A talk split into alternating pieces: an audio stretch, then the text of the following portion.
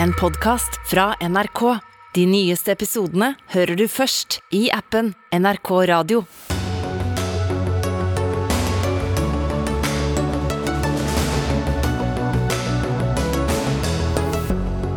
Stenges Norge i kveld? Om to timer kommer regjeringa med nye smitteverntiltak.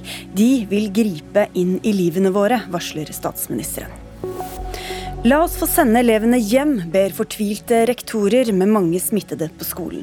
Men Elevorganisasjonen er skeptisk til digital hjemmeundervisning. Historisk dom i dansk politikk i dag. Riksretten dømte tidligere minister til ubetinget fengsel. Og fylke etter fylke vil ha løsrivelse. Nå bør Trøndelag følge etter, sier sjefredaktøren i Trønderavisa. Vel møtt til Dagsnytt 18, i studio denne mandagen, Sigrid Solund. Blir det stengte ølkraner, hjemmeskole, slutt på sosiale treff? Om to timer får vi vite hvilke nye smitteverntiltak regjeringa har kommet fram til, og de kommer til å gripe inn i folks hverdag, har statsminister Jonas Gahr Støre sagt. Norge har nå den kraftigste smitteøkningen i Europa, og Folkehelseinstituttets nye risikovurdering anslår at omtrent 90 000 til 300 000 daglige smittetilfeller kan komme hvis tiltakene ikke bremser epidemien betydelig. Avdelingsleder i Folkehelseinstituttet, Line Wold, hvordan har dere kommet fram til disse tallene og scenarioene? Ja, Disse scenarioene har vi kommet fram til ved matematisk modellering, hvor vi legger inn eh, en del antagelser, sånn at det er eh, stor usikkerhet rundt eh, disse anslagene. Det har det jo vært ved alle, alle modelleringene vi har gjort så langt i, i, pandemien. Men det høres jo så voldsomt ut. 300 000 om dagen. Det er jo hele Norge smitta innen romjul. Ja, sånn at eh, Det som disse scenarioene først og fremst viser, er jo at eh, omikron-varianten har et stort spredningspotensial. Og at eh, dersom man ikke har på plass tiltak, så vil man kunne få en rask økning i smittespredningen.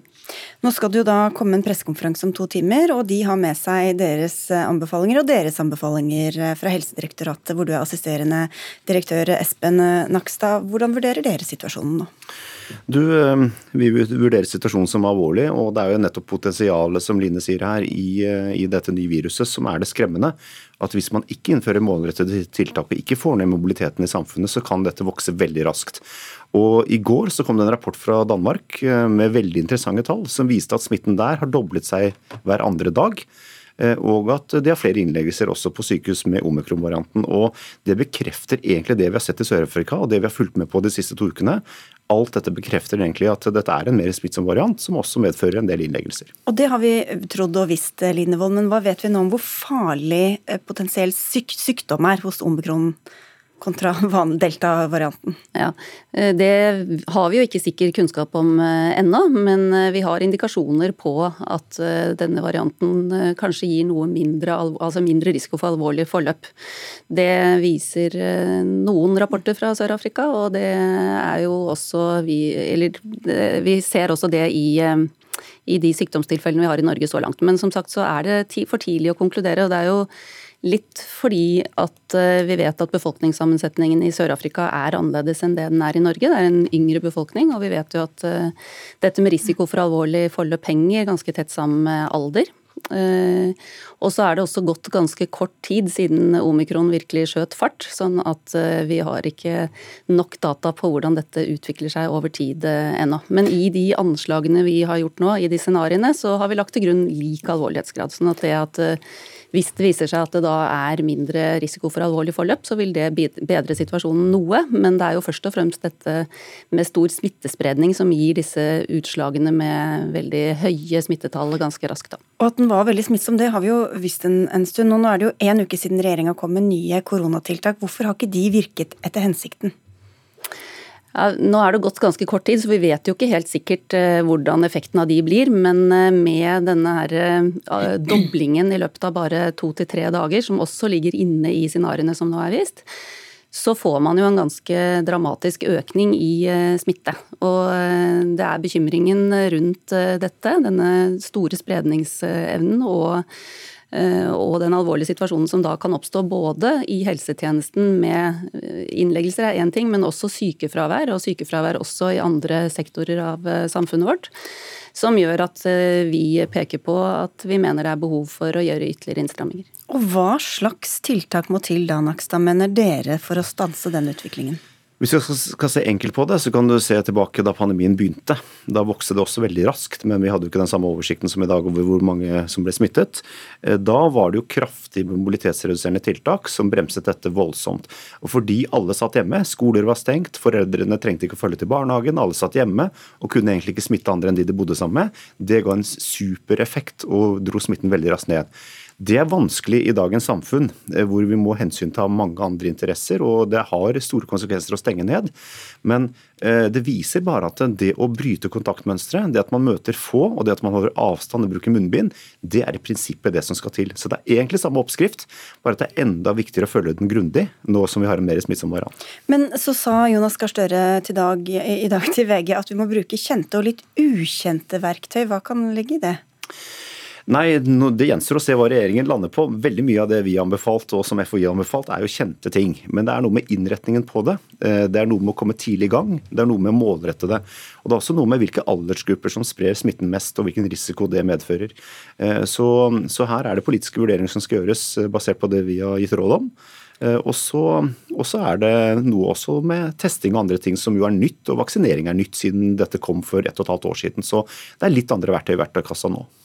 Og så tror jeg det er verdt å peke på at eh, dette med vaksiner og vaksinering fortsatt er det aller viktigste tiltaket vi har. Og eh, selv om det er indikasjoner på at denne nye varianten eh, at vaksinen ikke treffer like godt når det gjelder å beskytte mot smitte og sykdom med mildt forløp, så er det fortsatt sånn at de har effekt. Det er i en artikkel fra Public Health England og vist en 40% effekt i forhold til en 60% effekt med effekt for delta, sånn at det er en 20 reduksjon når det gjelder beskytte mot smitte og, og mild sykdom.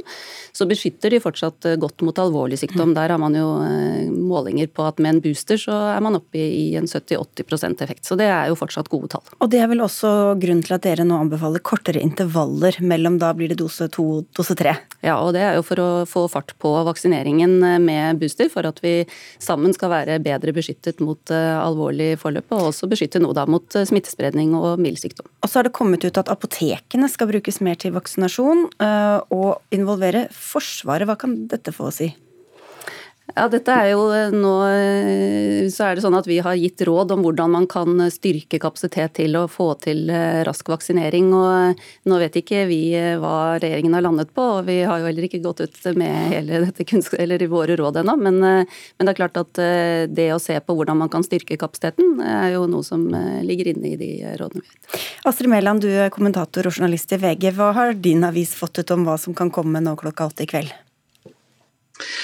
Nei, Det er jo kanskje noe som ligner litt på en eh, nedstengning, ser det ut eh, som for meg. Det er jo som eh, Nakstad og Vold sier, opp til regjeringa. De har kanskje ikke bestemt seg for alle tiltakene engang ennå, men vi hører her Nakstad snakke om 12. mars og eh, hvor alvorlig det er med den smittedoblinga eh, som går på to-tre dager. Så her tror jeg de ønsker seg sterke tiltak. Det er vel kanskje snakk om skjenkestopp da, nasjonalt. og eh, ser i ferd med at en del av de her anbefalingene som har kommet tidligere, kanskje ikke blir anbefalinger lenger, men det blir plikt. Og jeg tror at alle store arrangement eh, kulturinstitusjoner og sånn eh, får sterke sterke begrensninger. Kanskje de må stenge Og så er det jo litt eh, uklare signaler om skoler og barnehager, som vi alle uh, lurer fryktelig gæle på. FHI sier jo til VG at ikke, de tror ikke det lønner seg å stenge skolene, mens Nakstad snakka jo om skolestenging òg. Vi skal komme tilbake til det, men du, det er jo mange som roper på og vil ha strengere tiltak. Og så er det andre som sier at nå må vi bare lære oss å leve med dette, særlig hvis det viser seg at det ikke er så farlig, dette omikron-viruset. Hva, hva slags krysspress er det regjeringa står oppi nå? Nei, Nå tror jeg det virker som ekspertene er mer samla enn på lenge. Både Helsedirektoratet og FHI vil ha sterke, strenge tiltak. Jeg tror ikke det er så vanskelig som det har vært tidligere. Det er liksom omikron-varianten som har kommet og endra hele den debatten. Nå er det ikke lenger snakk om at vi må få mer eh, intensivsengeplasser. Selvsagt vi det også, men det blir jo aldri nok når det er en eksponentiell vekst, sånn som de tror at de ser eh, i, hvert fall i utlandet nå. Da, da blir det så mange som blir smittet at eh, det går ikke an å, å få nok sykehusplasser uansett uten tiltak. Da. Når de snakker om 90 000-300 000 smitta per dag, så er jo det helt enorme tall. og det, det, går jo selvfølgelig ikke an. Det må settes inn tiltak før det blir noe så stort, for da vil jo sykehusene bli helt overfylt. Dere, vi skal snakke en stund holdt jeg på å si, om, om barn og om skoler. Espen Nakstad, hva har dere anbefalt når det gjelder tilsted, fysisk tilstedeværelse på skolene? Jeg skal ikke gå inn på nøyaktig hva vi har anbefalt, for regjeringen skal få lov til å vurdere det i ro og fred. Men det er klart at eh, det er høyt smittepress blant barn og unge, særlig de som ikke er vaksinert, de under tolv år. Og de drar en del smitte med seg hjem. Eh, og Det er liksom det som er hovedproblemet, at eh, når da fullvaksinerte også kan bli smittet, særlig med omikron-varianten ser det ut sånn, også til og med trippelvaksinerte, så har det mye å si hvor mye kontakt du har med smitteførende personer. Og så har jeg bare lyst til å si dette med å leve med viruset. Det, ja, det betyr ikke nødvendigvis å leve som før pandemien. Det betyr å leve med noen rutiner i hverdagen. Å leve mest mulig normalt, men gitt de rutinene vi må ha. Og Det har vist seg da i sommeren som var at vi lever veldig normalt, men at vi nå må leve på en annen måte. og Det er egentlig det å leve med dette viruset sånn som situasjonen er nå. Jeg må, skjønte ikke helt hva du mener, men bare høre med deg Line Wold også om skoleelever. Altså, som, som, Astrid Mæland sa her, at, at kanskje det kan føre til økt smitte hvis elevene sendes hjem? Hvordan kan det ha seg? Ja, Det vi har gjort er å gå, gå, gjennom de tiltakene som gjelder nå. Altså har vi sett på hvor det er hensyns, hensiktsmessig å, å, ha noen innstramminger. Og så har vi jo lagt eh, regjeringens strategi til grunn, selvfølgelig. Eh, med at man skal eh, ha minst mulig inngripende tiltak overfor barn og unge. Og så har vi lagt også de erfaringene vi har gjort oss så langt i pandemien til grunn. I de rådene vi har kommet med. Og i det så ligger det jo at vi etter en del ferier har sett at det har blitt en økning i smitte istedenfor at man har fått en reduksjon. Eh, og at vi eh, har god erfaring med bruk av trafikklysmodellen, eh, som jo nettopp er konstruert for at vi skal bevare kontroll i, skolene med hvilke kontakter elevene har osv., hvor man går inn i, i liksom hvordan riggen er og, og, har mer oversikt over antakt kontaktpunkter. Og det er jo et alternativ som ble utviklet til, til stenging, da. Så her er dere ikke helt enige? Eh, det gjenstår å se hva regjeringen lander på. Vi er veldig dere, enige om dere, mange ting her. Men det er klart eh, det er et totalbilde som ikke går bare på smitterisiko i klasserommet. Det går på hvor mange er du i kontakt med eh, på kryss og tvers av klasser, og hvordan kan du styrke smittevernet blant de yngste. Det er det som er viktigst. fordi dette er egentlig enkel matematikk. Hvor mange møtes, og hvor stor er risikoen for at noen av de de møter er smittet. Ja da, så, og det er klart at det er eh, flere ting som skal vurderes inn her. Eh, det med hvordan vi skal eh, Eller hvilke råd som skal gjelde for, for barn og unge, det kommer jo fram og er godt drøftet i det kunnskapsgrunnlaget som, som Helsedirektoratet og FHI er ganske godt enige om. Så det er ikke stort sprik der. Og vi skal følge det opp, dere skal snart få slippe. Men bare Nakstad, hvis jeg forsto deg rett, så er det den nye hverdagen er altså å gå rundt med munnbind og holde avstand til andre mennesker i overskuelig framtid, da? Eller? Akkurat nå er den det, men mitt poeng var bare at når folk sier at vi må lære å leve med viruset, så er det mange som tenker at ja, da skal vi ikke ha noe tiltak. Da skal vi leve akkurat som før pandemien. Og det betyr det ikke. Det betyr at vi må ta hensyn til pandemien. Og så må vi selvsagt justere det etter om det er mye smitte og lite smitte og sånn. Eh, og det å leve med viruset nå i vinter, det betyr en del tiltak, helt klart. Takk skal dere ha, eh, Astrid Mæland med oss på linje, og her i studio Espen Nakstad, assisterende helsedirektør og avdelingsdirektør ved FHI Line Wold.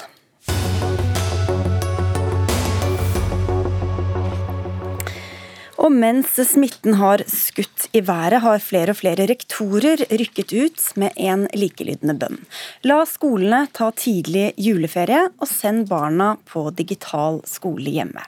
Anton Rygg, du er rektor ved Smestad skole i Oslo, og til Dagbladet kalte du situasjonen for din skole for ganske ekkel.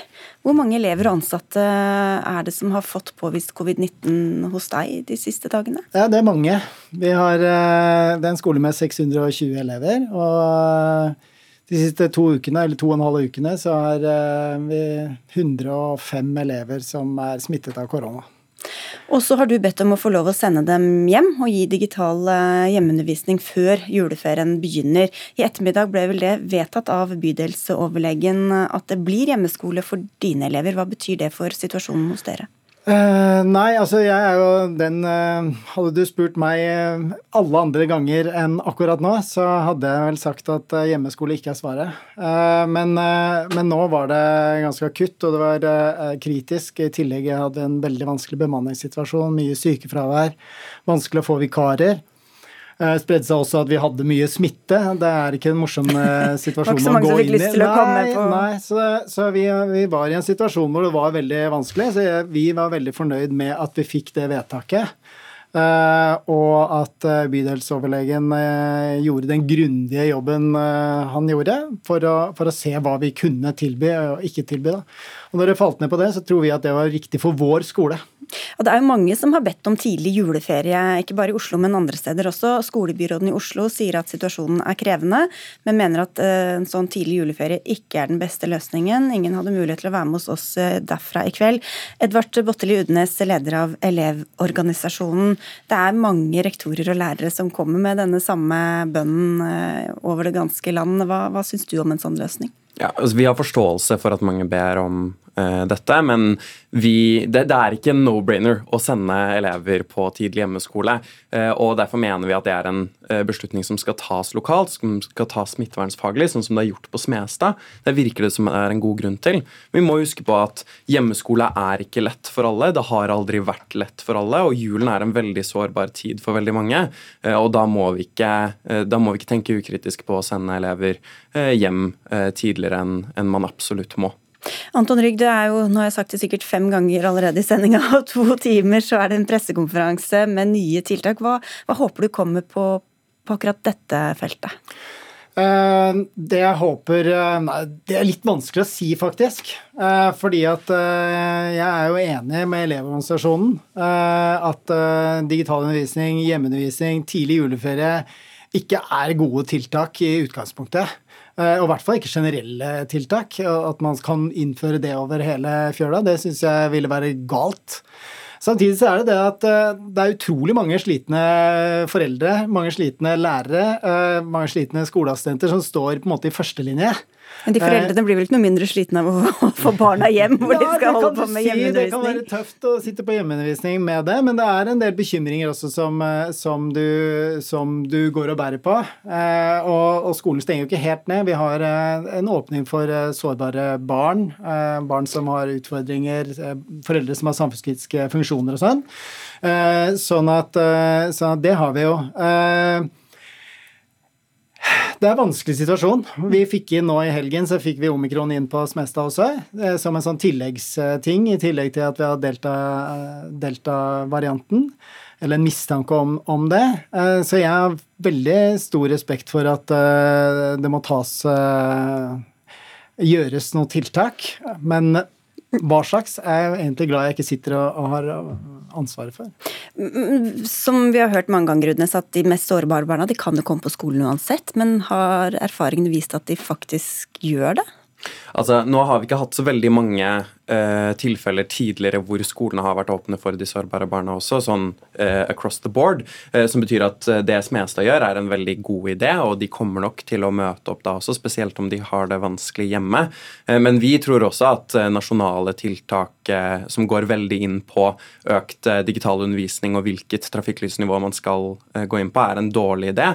Det at man har lokale smittevernsmyndigheter som kan ta denne avgjørelsen sammen med skoleeier, og helst også med elevene, er en mye bedre idé. Og det vi trenger fra nasjonalt hold, det er bedre testkapasitet. Det er å oppdatere smittevernsveilederne, og det er støtte, ikke nødvendigvis å gå over på et nivå. Men jeg er også glad jeg ikke heter Tonje Brenna i dag. Lærerne er jo vaksinert da, for det meste. Barna blir for det meste ikke så veldig alvorlig syke. Selv om kanskje foreldrene da kan bli smitta, hvorfor skal barna bære den byrden det er å liksom skjerme de andre for potensiell smitterygg? Ja, det er, eh, Når du stiller det sånn, så er det selvfølgelig det er en problemstilling. Eh, men nå er det Vi har eh, seks dager igjen til juleferien begynner. Og vi vet at det er ofte der familier samles. Vi har ikke lyst, og vi ser også at Eh, både foreldre eh, og lærere eh, gir uttrykk for en sånn bekymring for at de egentlig er ansvarlige for å bringe smitten fra da Smestad inn i familiesituasjon, besteforeldre, de tingene der. Sånn at å si at vi ofrer barna for de voksne ferdigvaksinerte, blir, blir nok litt lettvint, syns jeg. Fordi at vi har også Eh, vi gir et uh, brukbart tilbud til dem. Selvfølgelig ikke så bra som den fysiske skole. Mm. Altså, det, det, er jo selvfølgelig å sette det veldig på spissen og se på det sånn, men det er eh, veldig viktig å tenke på den retten vi har til utdanning, nedfelt i både Grunnloven, opplæringslova og Barnekonvensjonen, at det skal være over alt annet. Eh, og da må man jo også tenke veldig veldig godt på, eh, når man sender på hjemmeundervisning, så er det å gå inn på den retten. Eh, fordi den blir ikke oppfylt like godt eh, på hjemmeundervisning som den gjøres på skolen. og Det er derfor jeg mener at man ikke skal se så ukritisk på dette og bare be om det eh, som et nasjonalt tiltak. Eh, men definitivt så finnes det enkelttilfeller hvor det kan være en eh, dessverre en god idé. Mm. Og hvor utdanningsminister Tonje Brenna og de andre har landet, det får vi altså vite om eh, drøyt halvannen time. Takk skal dere ha begge to, Edvard Botteli Udnes fra Elevorganisasjonen og rektor Anton Rygg.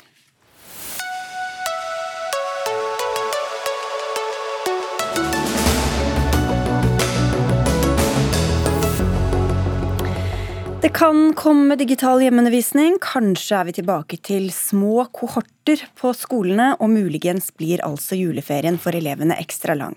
Men som vi har hørt gang på gang, det er vaksinene som skal få oss gjennom og ut av denne pandemien. Så hvorfor vaksineres ikke alle barn under tolv år i Norge? Jørn Klein, du er professor i mikrobiologi og smittevern ved Universitetet i Sørøst-Norge alle barn, eller i hvert fall barn, bør vaksineres ned til fem år, sier du. Hvorfor det? Eh, jeg ønsker at barn ned til fem år skal vaksineres for at de unngår alvorlig sykdom, for at de unngår utfordringene som kommer oppstå med long covid, og eh, fordi de kortvarig kan bidra til minimering av smittepresset. Og eh, det er helt uansvarlig og uetisk å la smitten bare spre i den populasjonen som er ikke vaksinert, og det er barn og ungdom. Og vi ser nå med omikron at vi har et nytt eh, virus, eller ikke en ny virusvariant, som har utviklet seg i en populasjon i Sør-Afrika eller i Afrika som er ganske ung, og derfor har dette viruset også klart å spre seg veldig godt. Og ja, det er riktig, de fleste barn blir ikke alvorlig syke, men hvis jeg har mange barn som blir syke, den uh, blir også en god del alvorlig syk. Og det må vi unngå, og den beste måten å kunne unngå det, er gjennom vaksinasjon. Og USA skal gjøre det. Canada og Danmark de har, de alle har startet vaksinasjon av barn etter fem år. Tyskland har planer om å gjøre det. Margrethe Greve Isdal, overlege ved Folkehelseinstituttet. I Norge skal vi bare i første rekke vaksinere de med underliggende sykdommer i risikogruppa. Hvorfor det? Så Vi begynner med de som har uh, alvorlig underliggende sykdom. Det viser seg at barn i fem, alderen 5-11 år har den laveste risikoen for å bli lagt inn på sykehus.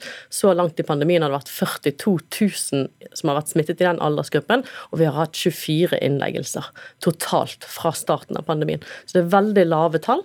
Uh, men vi vet at de som har underliggende sykdom, har litt høyere risiko enn de som ikke har det for å bli lagt inn, og derfor så får de tilbudet først. Og så holder vi på med den generelle vurderingen av alle barn. Men her hører vi at det er uetisk, uansvarlig å la dem gå rundt uvaksinerte. Hva svarer du på det? Da tenker jeg at vi først må se på den helheten når vi skal vurdere vi, om vi skal vaksinere barn i den alderen. Så må vi se både på om de har eh, alvorlig sykdom, om de er viktige for smittespredningen, om de har mye mild sykdom, hvor lenge vaksinene hindrer smittespredning, og hvilke bivirkninger de får, og så hvilken samfunnsnytte du får totalt av dette. Så, det, så det, er ikke, det, er en veldig kompleks vurdering. Jo mindre alvorlig sykdom du risikerer å få, jo vanskeligere er det å vite om det er riktig å gi den vaksinen. og Derfor må vi bruke tid på å gjøre den vurderingen grundig. og det tenker er etisk riktig. Ja, Hva med forholdsmessigheten her, Klein? Vi ser at uh, USA har allerede vaksinert fem millioner barn. Vi ser at uh, barn i Tyskland de starter nå i dag med å vaksinere alle barn uh, fra fem til tolv. Og vi har ikke noen tilstrekkelig smittevern i skolen i øyeblikk. Vi håper at vi kan få munnbind, at vi kan få Eh, kohortene igjen, og, for å kunne ha skolene så lenge som mulig åpen. Men i øyeblikk har vi den største smittepress i skolen og ungdom. Og FHI, Jeg vet ikke hvorfor FHI hele tida må oppfinne hjulet på nytt. Det har vist seg at øh, vaksinen er tryggere. og øh, enn å gjennomgå vaksinasjon. Og jeg pleier egentlig å ha sånne diskusjoner med antivakserne, men egentlig ikke med FHI. Ja, det må jeg nesten svare på. Altså, eh, Nå er denne vaksinen testet ut på 2250 barn før den fikk godkjenning i USA. Eh, det er nok til å kunne si noen ting om hvor godt den kan gi effekt mot sykdom, eh, eller i hvert fall hvilken immunrespons de får. Så sammenligner de den med voksne. Den er ikke nok til å kunne si noen ting om sjeldne bivirkninger. og Det har ikke kommet noe informasjon enda fra USA, som har vaksinert fem millioner barn, for å kunne si noen ting om det oppstår sjeldne bivirkninger, som vi må vite om før vi eventuelt gir en anbefaling utfordring. Og de andre landene i Europa, bortsett fra Tyskland eh, og Danmark, de sitter og venter på de dataene fra USA, sånn som vi også gjør, da, for å kunne ta en skikkelig forholdsmessighetsvurdering på nytte versus ulempe. Så alle landene må ta sine egne vurderinger i stedet for å stole ja, på hverandre? Fordi vi ser jo til hverandre, absolutt. Men vi har jo ulike situasjoner. Vi har ulikt smittepress, vi har ulike eh, forutsetninger i helsevesenet, vi har ulike vaksinasjonsgrad blant voksne, ikke minst, som er ganske viktige for inn mot eh, hvor stort behov man har for å vaksinere barn. Og der hvor de har lavere vaksinasjonsdekning blant voksne, har de større behov for å vaksinere barn for å få den større immunitet i befolkningen. Og det er jo en risiko, Klein. Hvorfor er du villig til å ta den når, eh, når de aller fleste da ikke blir så syke? Fordi uh, risikoen er langt mindre, eh, som Greve Isdal har sagt. Vi har blant de fem millioner som er vaksinert i USA ikke en eneste tilfelle, eh, så langt jeg er kjent, av alvorlige bivirkninger pga. vaksinen. Vi ser at vi har en økt antall innleggelser blant eh, barn og unge i, Afrika, eh, i Sør-Afrika. Her må det også at det må man ta med forsikt, det er riktig. Fordi dette omikronviruset er veldig nytt. Men igjen, det er et virus som har utviklet seg i en populasjon av unge. Og hvis vi har flere uh, som blir smittet, da har vi også flere som blir alvorlig syke. Og eh, vi bruker bilbelte for små barn for å unngå at de blir skadet i trafikken. Vi har nullvisjon i trafikken. Hvorfor har vi ikke den nullvisjonen? Og bruker bilbelte for barn mellom fem og tolv, og for at barn over tolv år får to vaksiner. Ja, eh, altså nå har Vi jo, eh, vi er jo veldig for vaksiner i FHI. Eh, og vi har vaksiner for veldig mange sykdommer som kan være alvorlige for barn. Men med covid-19 er det annerledes. Det er en veldig lite alvorlig sykdom for barn, og da er det en vanskeligere avgjørelse. Vi vaksinerer heller ikke mot vannkopper i Norge, f.eks., som også er en sykdom som gir mye sykdom hos barn. Så man må gjøre de vurderingene lokalt, rett og slett, i hvert land. Men ofte så, så får vi høre at vi vaksinerer oss ikke nødvendigvis bare for oss selv, men for å få den flokkimmuniteten. Og hva med de barna som ikke kan ta vaksine selv, men som kanskje kan være veldig utsatt dersom de blir smitta på skolen? Det er jo veldig få barn som er veldig utsatt, og det er også et viktig poeng her. Hadde vi sett at det var noen barn som ble veldig alvorlig syke fordi de hadde underliggende sykdom, så hadde det også vært et grunnlag. Men her er det mer et befolkningsvurdering hvor du skal eh, se om du trenger barn for å eh, vaksinere barn for å beskytte voksne. Det er en litt annen eh, vurdering. Og så står vi i en pandemi som gjør at vi ikke kan bruke alle de samme vurderingene som vi gjør til vanlig når det gjelder barnevaksinasjonsprogrammet. Mm. Men så vil jeg bare si til slutt til Klein, som, som tok opp det flere ganger, om dette med at det utviklet seg i Sør-Afrika, så må vi ha i bakhodet at 19% av den voksne befolkningen i Sør-Afrika er hiv-positive. Og det er nok det som er utgangspunktet for at det har utviklet seg nye virusvarianter akkurat der. Og når vi ser at eh, selv om man har fått to-tre doser, så blir man smittet likevel, Klein, så kan man jo spørre seg hva som er poenget? Eh, poenget er at vaksinen eh, hjelper. og den hjelper mot alvorlig sykdom, som Volt og Nakstad har sagt tidligere. Og eh, det er en beskyttelse som jeg egentlig også ønsker for våre barn. Og eh, det som Greve Isdal har misforstått meg, at ja, det er grunnen at viruset har utviklet seg i Sør-Afrika, men den har spredt seg i ungdomspopulasjonen. Og påstår at alle disse er hiv-positive, det er ikke riktig. Nei, det er ikke riktig. Eh, men det er viktig at vi også får frem at eh, de, tester, de som er testet positivt i Sør-Afrika, er testet fordi de legges inn på sykdom, eh, sykehus uansett årsak. Så det er mange av de som ikke legges inn pga. covid-19, men med covid-19. Og når lander dere på en beslutning her, da? Nei, Vi holder på med den vurderingen, så den blir ferdig. og så Først venter vi på tallet fra USA, på at de skal gjøre opp disse bivirkningstallene, sånn at vi kan bruke det som grunnlag. Og det tror vi kanskje kommer like før nyttår. Takk skal dere ha begge to. Margrethe Greve Isdal overlege ved Folkehelseinstituttet, og Jørn Klein, professor i mikrobiologi og smittevern ved Universitetet i Sørøst-Norge. Mens mange fylkessammenslåinger har vært smertefulle, har Trøndelag blitt framholdt som en riktig solskinnshistorie. Det er feil, mener en redaktør som vil splitte opp fylket i nord og sør igjen. Og det skal vi diskutere mot slutten av Dagsnytt 18. Må berolige Michael Tetzschner som er kommet inn her, som så litt bekymret ut. For nå skal det snakke om Danmarks tidligere innvandringsminister Inger Støyberg. Hun er av dansk riksrett dømt til 60 dagers ubetinget fengsel. Støyberg, som representerte partiet Venstre ble dømt for å ha gitt en ulovlig instruks om at asylsøkerpar skulle skilles hvis en av partene var mindreårige. 25 av 26 dommere stemte for kjennelsen, og én gikk for frifinnelse. Ja, allerede introdusert Michael Tetzschner, tidligere stortingsrepresentant for Høyre. Du følger godt med på dansk politikk, og ble ikke så overrasket over denne kjennelsen som kom i dag. Men for alle som ikke følger like godt med, hva, hva var det som ledet opp til denne dommen? Det var jo for det første at eh, Folketinget eh, i begynnelsen av dette året eh, vedtok at her måtte man mobilisere riksretten. Og det var på bakgrunn av en innstilling fra den såkalte instrukskommisjonen, som hadde gått gjennom selve embetsførselen. Så dette har jo ikke så mye med utlendingspolitikken å gjøre som med en lovstridig forvaltningspraksis som Støyberg slo inn på og som eh, hun faktisk også endret eh, etter påtrykk fra embetsverket. For da fikk hun da kritikk for at eh, man ikke fikk, hadde en individuell behandling av hvert enkelt par, men bare sa at alle måtte, måtte skilles? Ja, og at den også var unntagelsesfri, fordi i selve notatet fra departementet så var begge deler lagt til grunn, men så former hun en instruks direkte til det vi i Norge vil kalle Utlendingsdirektoratet som er basert på pressemeldingen, og den er jo mer partipolitisk eh, orientert og får ikke med seg også uh, prosessuelle og andre bestemmelser som skal trygge rettssikkerheten for de som berøres. Støyberg selv forsvarte seg med at dette handlet om politikk og moral. Hva slags støtte hadde hun både i eget daværende parti, Venstre, og i befolkningen ellers?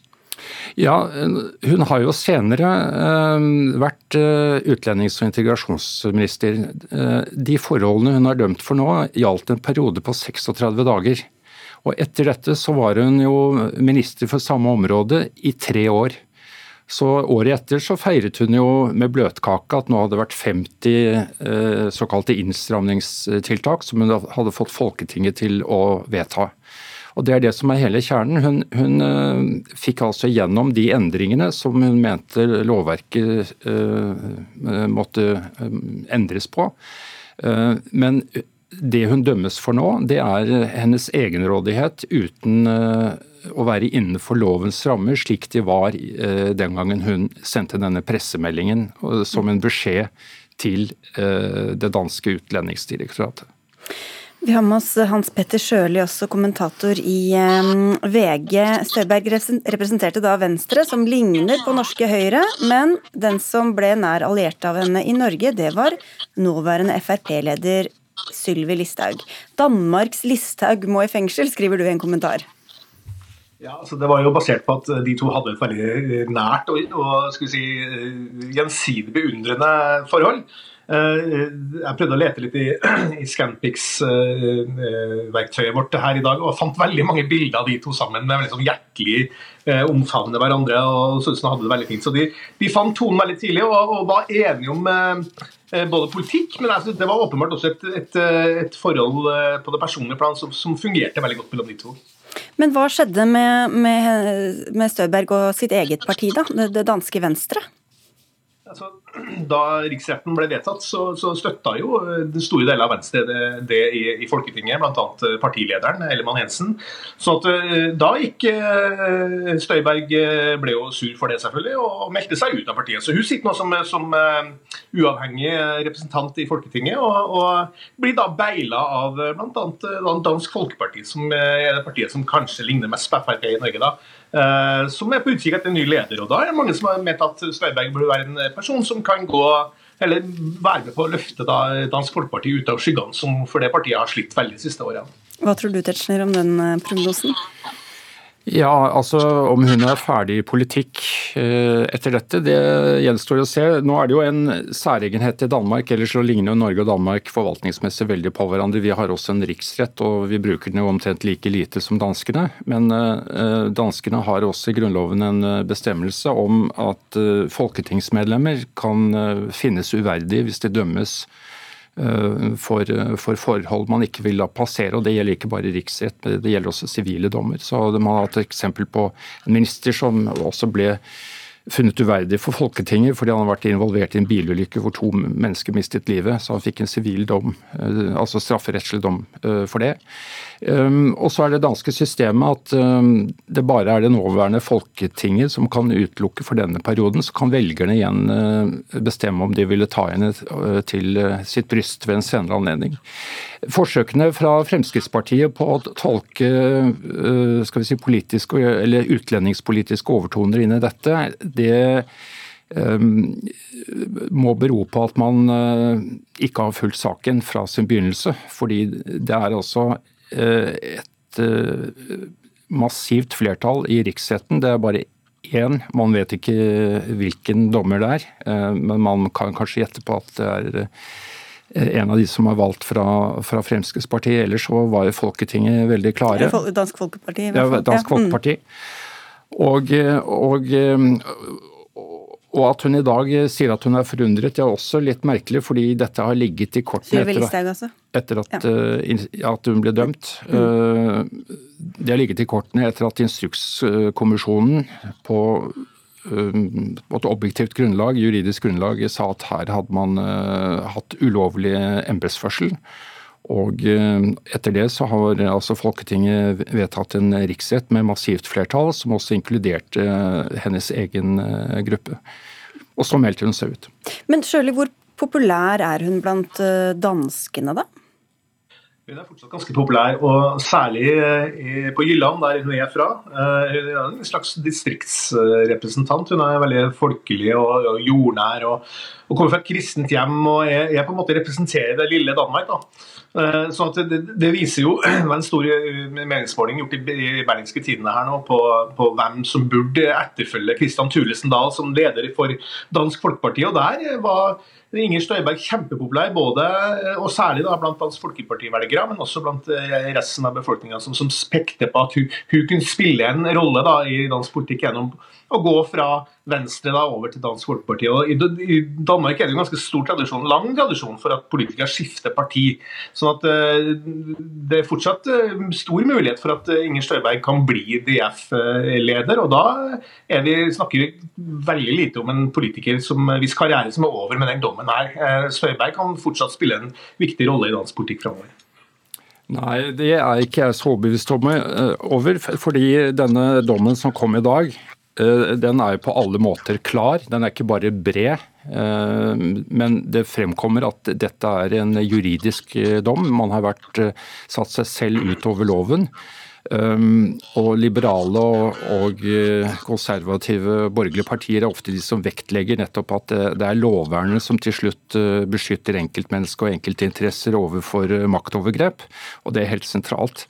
Så um, jeg tror også hennes um, muligheter i Dansk Folkeparti, uh, som jo er et uomtvistelig demokratisk parti, vil være, være, svekket. Men det må ses i lys av at de også har en, en lederkrise ved at uh, Tullesen Dahl, etter det dårlige kommunalvalget, hvor partiet ble halvert for annen gang i valg, nå er nede på 4-5 eh, og de er nokså desperate. Og så Deres naturlige arvtaker er jo selv dømt for svindel med EU-midler til seks måneders eh, betinget fengsel. Den er riktignok anket, men det er ikke på øverste hylle Dansk Folkeparti nå kan velge fremtidige ledere.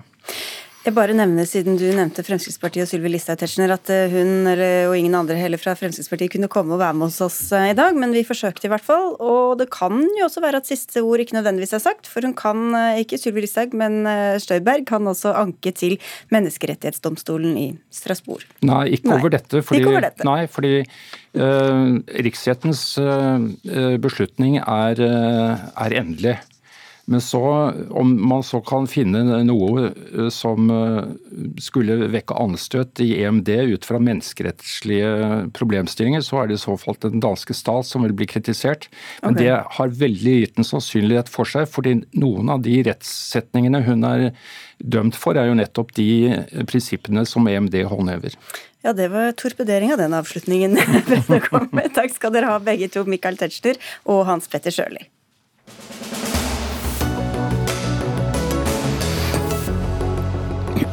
Fellesskapet stiller opp, sa statsminister Jonas Gahr Støre i helgen da han fortalte at staten skal være med å spleise på deler av strømregninga når strømmen er spesielt dyr.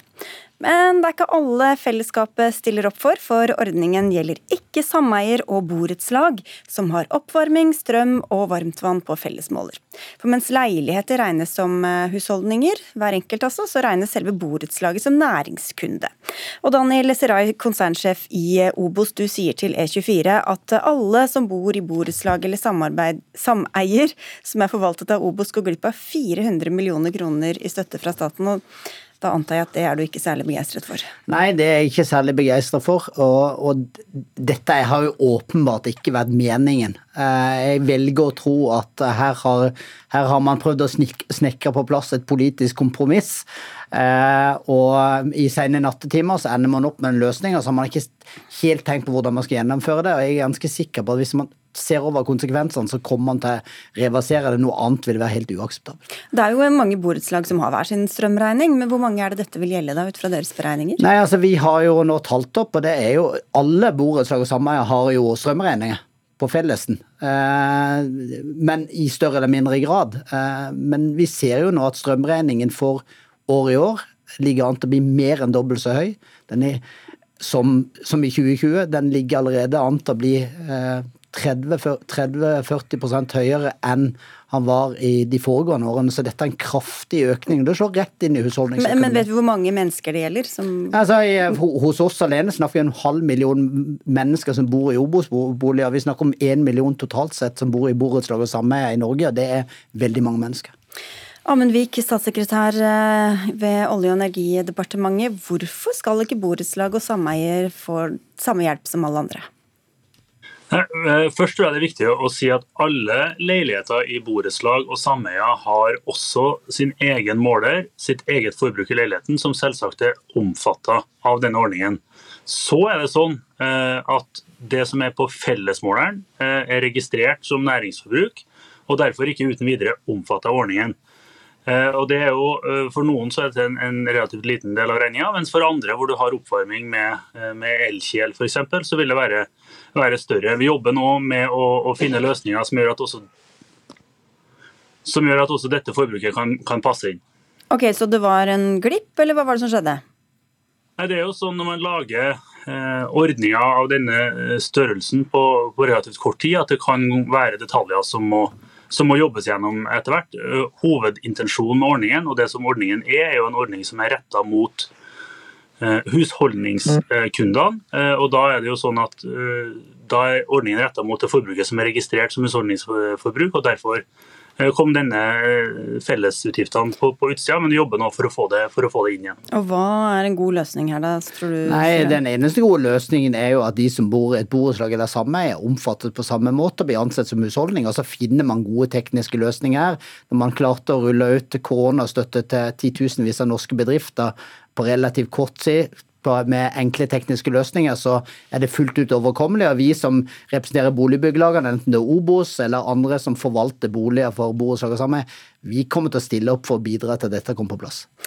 Og så er det jo litt, hvis vi ser litt bredere på det her enn bare når det gjelder akkurat denne delen av eh, denne støtteordningen. Marius Nilsen, du sitter på Stortinget for Fremskrittspartiet i eh, energi- og miljøkomiteen. og Hva utover dette mener dere er galt eller for lite eller for dårlig med ordninga? Først og fremst får jo staten ekstraordinære gigantinntekter pga. Eh, de høye strømprisene, og så gir de veldig lite tilbake. Eh, Frp har foreslått mange tiltak i løpet av hele høsten. Eh, vi har foreslått 4000 kroner til hver husstand for at det skulle komme kjapt i gang. Og Regjeringen har jo da kontret med at de skulle bruke tid på å komme med en, en eh, ordning som skulle treffe så mange som mulig, eller treffe alle som trengte det. Og det har de ikke klart nå. Nå glemmer de en million eh, abonnenter, som her sies, eller en million mennesker. Og det er vi nødt til å få, få gjort noe med. Og ellers er jo det det at vi Frp vi har kommet med forslag i Stortinget om å begrense krafteksporten. Fordi at man har i, i konsesjonene som er gitt med de siste strømkablene, så kan man da begrense det hvis det er allmenne hensyn Jeg tenkte at Vi trengte ikke å gå inn i hele den kabeldebatten, men Amundvik, hvorfor ikke bare gi en sum til alle, alle husholdninger nå før jul? Jeg tror det som, er, det som, er, bra og viktig med denne ordningen, er at den treffer husholdningsforbruket til dem som, vært, som, er eksponert for svært høye strømpriser. Det er det ene. Og det andre er at ordningen eh, følger jo strømprisen oppover. Så nå sier vi jo at vi tar halvparten av forbruket over, eh, over 70 øre. Og da er jo ikke det begrensa. Altså hvis man får eh, høyere strømpriser gjennom vinteren, så vil statens si, kompensasjon på en måte fortsette å vokse, som gjør at det det gir både avlastning nå på forbruket, men også en trygghet for at eh, det vil være oppfølging over tid. Hvordan skal man finne en ordning på 123 Nilsen som treffer akkurat dem som trengs å treffes, og ikke sponser mange mennesker som egentlig ikke trenger det? Først og fremst så kan du innføre eller fjerne moms og elavgift, som vi har kommet med. Det ville hjulpet på strømprisene for alle. Og ellers er det en kombinasjon. altså Vi har kommet med et konkret tiltak, som sagt, men vi må òg treffe både næringsliv, eh, gartnere, alle som trenger hjelp nå. Men da treffer du også alle som ikke trenger hjelp? Ja, men det, det kan så være. Eh, da får man heller ha en form for uh, at oppfordre til, til, de som ikke trenger det, med å gi de til andre. Det er det viktigste. Er det løsninga? Det viktigste er at de som trenger det, får hjelp. Gi pengene videre hvis ikke du trenger det. Hvor mange tror du vil følge den? Nei, Det får vi appellere til folks gode samvittighet. Det viktigste er at de som trenger hjelp, får hjelp. Og de, de som sitter nå og ikke har penger til verken energi eller julegaver eller feire jul skikkelig. Og det er det vi trenger. Og da trenger vi en, en ordning som kommer umiddelbart. Ja, Amundvik. Nei, altså jeg tror denne Løsningen til Fremskrittspartiet nå med å, å gi eh, til alle, også for de som ikke trenger det, gi det tilbake, eh, har jo noen åpenbare svakheter. Jeg tror det som er Poenget med denne ordningen er at den er treffsikker på det at det, når prisen blir ekstremt høy, så kommer myndighetene inn eh, og tar halvparten av det forbruket over det så er det skalerbart, som gjør at det følger når prisprisen skulle vokse, eh, og at det vil være på hver regning istedenfor en eh, engangsutbetaling, eh, som da ikke nødvendigvis vil være nyttig i februar og mars, hvor det også kan være høye strømpriser. Jeg tenker, jeg, tenker, jeg, jeg, er ikke så skeptisk til innretning, for jeg tror innretningen man har falt, falt ned på, er grei nok. Den må bare sørge for å tette uavklaringen, komme ut med et klart og tydelig budskap til de som nå bor i borettslag og samme innenfor, innenfor julen. at de skal få dele akkurat den samme eh, ordningen som alle andre som bor i, i en villa eller en bolig for seg selv. Og så skal vi fikse det tekniske. For jeg tror Det folk trenger nå, er en trygghet for at de blir omfattet av ordningen, ikke at budskap blir pakket inn i teknikaliteter. Jeg tror eh, det, Hvis man bare er veldig tydelig på det, så tror jeg folk vil slå seg til ro med at det er komplekst å få til, og så er man trygge på at myndighetene faktisk ordner opp. Og Når tror du det kan komme en sånn eventuell beroligelse, Vik? Nå jobber vi på spreng for å få, få, løst opp i den situasjonen som har oppstått for eh, fellesforbruket i sameie og borettslag. Eh, og så vil det være sånn at alles enkeltmålinger i enkeltleilighetene vil selvsagt være omfattet allerede nå. og Så jobber vi veldig hardt for å få eh, en ordning på plass for eh, de som da er i sameier og borettslag for felleskostnadene. Eh, og Da vil vi jo prøve å finne en løsning, selv om det skulle, at vi ikke får det til på regningen for, for januar. Ja, og Det tenker jeg er helt fair. Jeg tror folk trenger bare en trygghet for at dette blir dekket. Så tror jeg folk aksepterer at det tar tid. Og det er jo faktisk ikke den der enkeltbrukeren som enkeltmåler som favner folk flest. Eh, vi har flere eksempler. der Jeg sitter med ett eksempel i boligsameie i dag. der, der eh, Felleskostnaden på en leilighet på 65 kvadratmeter går fra 940 til 2400 kroner per måned, sånn fra nyttår av. Og Det betyr jo at de trenger den tryggheten nå, og hvis vi kan garantere det, så tror jeg alle er glad og fornøyd inn i jul. Og Grunnen til at de har hatt så dårlig tid i regjeringa, eh, Nilsen, er jo fordi at den forrige regjeringa, som Frp i mange år var en del av, ikke la noe grunnlag for dette. Hva som kunne skje når strømprisene føk i været? Det er ikke helt korrekt. Altså, det har jo med energipolitikken å, å gjøre. Og som jeg nevnte i sted, så har man anledning til å begrense dette, og det gjør EU. Det er masse tiltak man kan gjøre, som EU allerede har gjort, men som man da sier at eh, nei, EØS-retten begrenser oss. Så det er mye vi kan gjøre. Men det viktigste er at det kommer noe umiddelbart for alle de som sitter og ikke har penger til å betale regningen. Og det gjør ikke denne ordningen her ennå, så det, de burde vært raskere på ballen. Vi har fremmet forslag helt tilbake fra august eh, og oktober og videre. Så det er masse, masse tiltak vi kunne effektuert umiddelbart. Ok, Da skal du få avslutte der, Amundvik. Ja, altså, regjeringen har Allerede i tilleggsnummeret eh, så la vi jo fram en eh, betydelig reduksjon av elavgiften og en kraftig også en økning av bostøtte, både på hvem som får det og beløpet. Og så har vi også denne gangen kommet med tiltak for studenter og på bostøtta. Eh, og også nå denne sikringsordningen for strømpris. Og så vil vi jo nå jobbe, jobbe veldig hardt for å sørge for at de detaljene som gjenstår, må, må komme på plass. Dere, da skal vi eh, sette strek i denne omgang og si tusen takk til Amundvik, som er statssekretær i Olje- og energidepartementet, til Marius Nilsen, som sitter på Stortinget for Fremskrittspartiet, og Daniel Sirai, konsernsjef i Obos. Takk skal dere ha.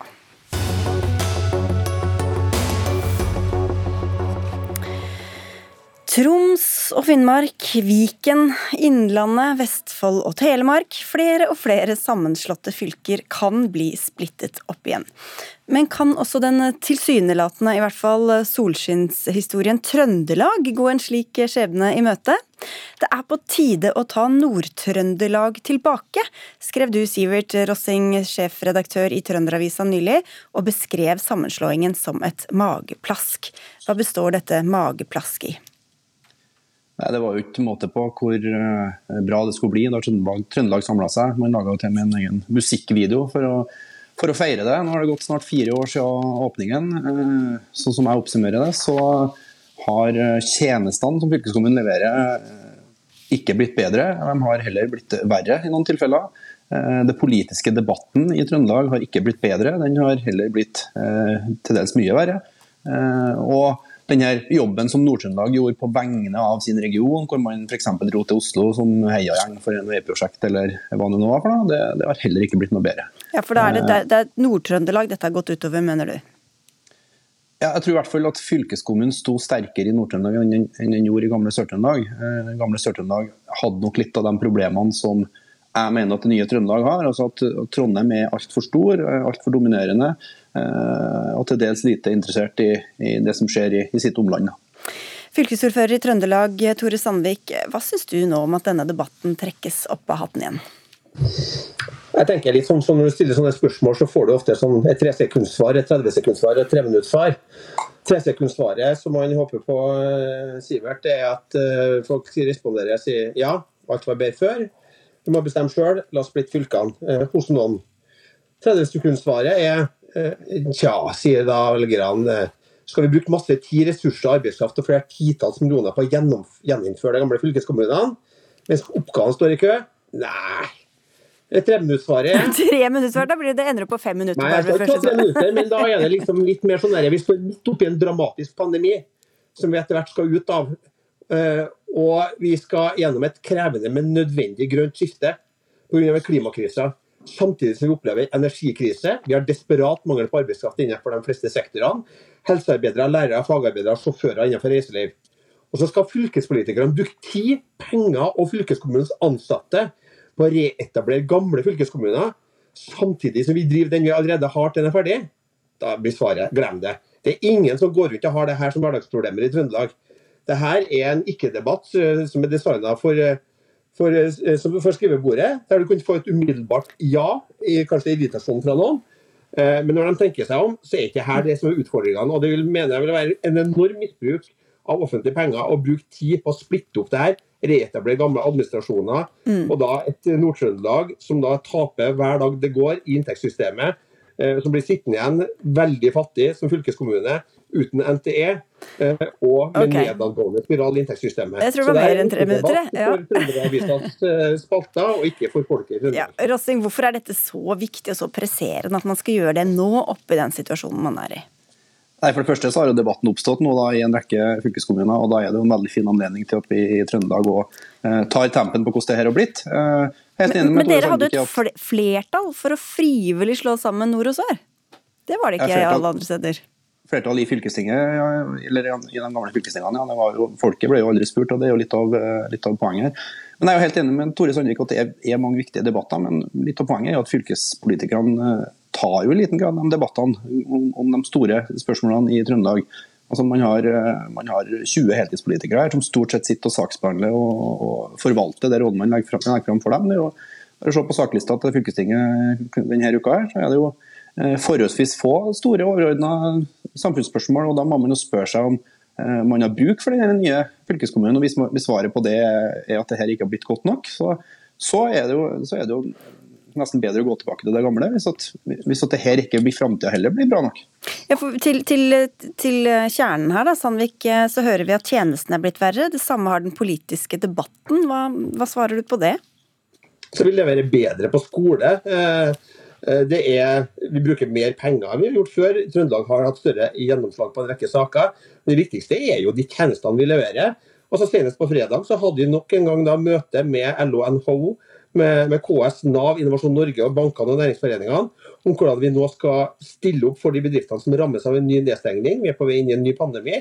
Vi når helt ut med virkemidler. Vi samordner fylkets interesser og det, her bedriftenes og kommunenes interesser opp mot staten for å fortelle hva vi nå trenger av virkemidler for å komme oss ut av pandemien. Vi har en stor dugnad på gang knytta til eh, å bli klimanøytral i Trøndelag innenfor 2030, der vi jobber tett opp mot næringsliv, opp mot kunnskapsinstitusjoner sammen med kommuner og andre og vi tror vi skal få det til. Så det er jo store oppgaver vi jobber med. Men det er klart hvis man syns det er mer interessant å sette seg ned at man skal reetablere da, og bruke fylkeskommunens eh, ressurser på å reetablere to gamle fylkeskommuner, eh, så er jo, det ender jo argumentasjonen til Sivert Lossing der eh, vi vet den kommer til å ende hvis du skal splitte opp fylkene i Norge med at man legger ned fylkeskommunene, for at storbyene kommer til å få nok. Det kommer til å kreve å ta over kollektivtrafikken og de røde skolene. Og For mange så er det en løsning som de syns er mer attraktiv et Nord-Trøndelag som skal sitte igjen med svekka økonomiske ressurser eh, og en nedgående befolkning på alle områder unntatt på kysten, vil jo ikke være i stand til å levere de tjenestene. Eh, og Da vil jo være like greit kanskje at man overleverer de resterende oppgavene til staten og til de kommunene som er store nok til å ta over dem. Så Det er jo en sentraliseringsreform man legger opp til igjen, da, Hans Sivert Rossing. Utviklinga har gått bort fra de okay. fylkeskommunene. De en liten oppslutning i befolkningen. Ja, Det var kanskje ikke det du så for deg at skulle bli konsekvensen her, Rossing? Jeg skriver jo i kommentaren at uh, poenget er jo, altså når jeg sier ta, ta Nord-Trøndelag tilbake, så er det jo å ta den politiske kontrollen over omlandet tilbake. Og så skriver jeg om nødvendig med å gå tilbake til de gamle. fordi Poenget er at Trøndelag fylkeskommune som det er i dag, er ikke, har ikke blitt noe vitalt politisk uh, verksted for Trøndelag. og Det blir heller sånn at gamle nordtrøndere og gamle sørtrøndere møtes uh, enten i fylkestinget eller i, i partilagene, og er omtrent mer uenige enn enige. Så så det er ikke sikkert at løsninga er å gå tilbake, men poenget er å få en debatt om, hvorvidt vi har fått noe som er bra nok. da. Men det er jo, som du sa, det ikke, hadde ikke vært noen folkeavstemning, men det har jo vært eh, behandlet i fylkestinget. og Hva skjer det med, med demokratiets gjennomslagskraft hvis vedtatt eh, politikk stadig skal få omkamper på så viktige områder som det her? Eller så omfattende områder, da? Jeg tror litt av løpet er kjørt uansett. Da, fordi at den regionreformen som ble gjennomført, har jo, har jo massiv motstand i så mange fylker at uh, det skal vel mye til at den står igjen med særlig legitimitet uansett. og eh, klart Mye av skylda her er jo fordi at man ikke gjorde det man sa i Oslo, fulgte opp med oppgaver som gjorde at de her fylkeskommunene ble interessante. Altså, det er jo ikke bare trønderske politikere som feil, det er jo et stort problem at man ikke har nok å ta tak i. Ja. Og Du var ikke noe stor uh, sammenslåingsfan, kanskje i utgangspunktet, eller i hvert fall ikke reformfan av denne reformen, uh, Sandvik. Men hvis man også hører på det som blir sagt her om at det er uh, Trondheims feil, dere tar for mye plass, tar for mye makt? Nå er ikke jeg Trondheim, nå er jeg Trøndelag. Eh, og Trondheim, at Trondheim er for stor, jeg er helt uenig. Vi trenger et stort Trondheim som ikke har tvert til Oslo. Fra Trøndelag, det er hele poenget å få til et godt samspill mellom den storbyen og resten av Trøndelag, og dra nytte av at vi har en storby med de kraft, den krafta vi har i Trondheim. Så Sutringa over Trondheims storhet den syns jeg man skal seg for god til i, i Trønderavisa. Eh, men jeg var veldig for regionreformen, og jeg mener fortsatt at den bør gjennomføres. Vi bør overføre makt fra statlig byråkrati og direktorat til folkevalgt kontroll regionalt. Og Vi har en regjering nå som har ambisjoner om å gjøre det. Eh, og De bør fylle opp. Jeg er helt enig i at den reformen som forrige regjering gjennomførte, den mangler oppgavene. Nå kan man bidra til å få over oppgavene. Og Uansett om det er debatt om det her rundt omkring i landet, så mener jeg at det nesten er å overse befolkninga i Norge om man skal sette seg ned og bruke ressurser i fylkeskommunene på å reetablere gamle fylkeskommuner. hvordan er det å over- enorme utfordringer politisk eh, de årene som kommer. Ja, men hvordan, kan man, hvordan er det å overse befolkninga hvis man lar det være opp til befolkningen og lar, gjennomføre en, en folkeavstemning? Vi kan ikke ha, vi kan ikke ha folkeavstemning om mikroskopiske spørsmål i folks liv. Det er ikke sånn at folk våkner opp om morgenen rundt omkring i Norge og lurer på om livet deres skal bli bedre eller, eller dårligere om de bor i en fylkeskommune som består av tre gamle fylkeskommuner eller to gamle fylkeskommuner eller en ny en som er samla. Eh, folk har hverdagsproblemer som vi bør konsentrere oss politisk om å løse. Nå står vi oppe i en krevende okay, pandemi. Vi skal dere- ut av den, og vi skal gjennom en klimakrise. Da Da må vi bruke tida på det, og ikke forsøke på søkte spørsmål. Avslutte. Jeg ser at Rosing har lyst til å si noe på det, men det får ikke bli vår sending. Takk skal dere ha, begge to. Dagsnytt 18 har ikke mer tid. Gro Arneberg, Ragnhild Bjørlikke og jeg, Sigrid Solund, takker for oss.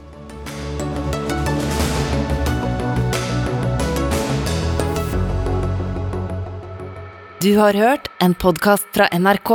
De nyeste episodene og alle radiokanalene hører du i appen NRK Radio.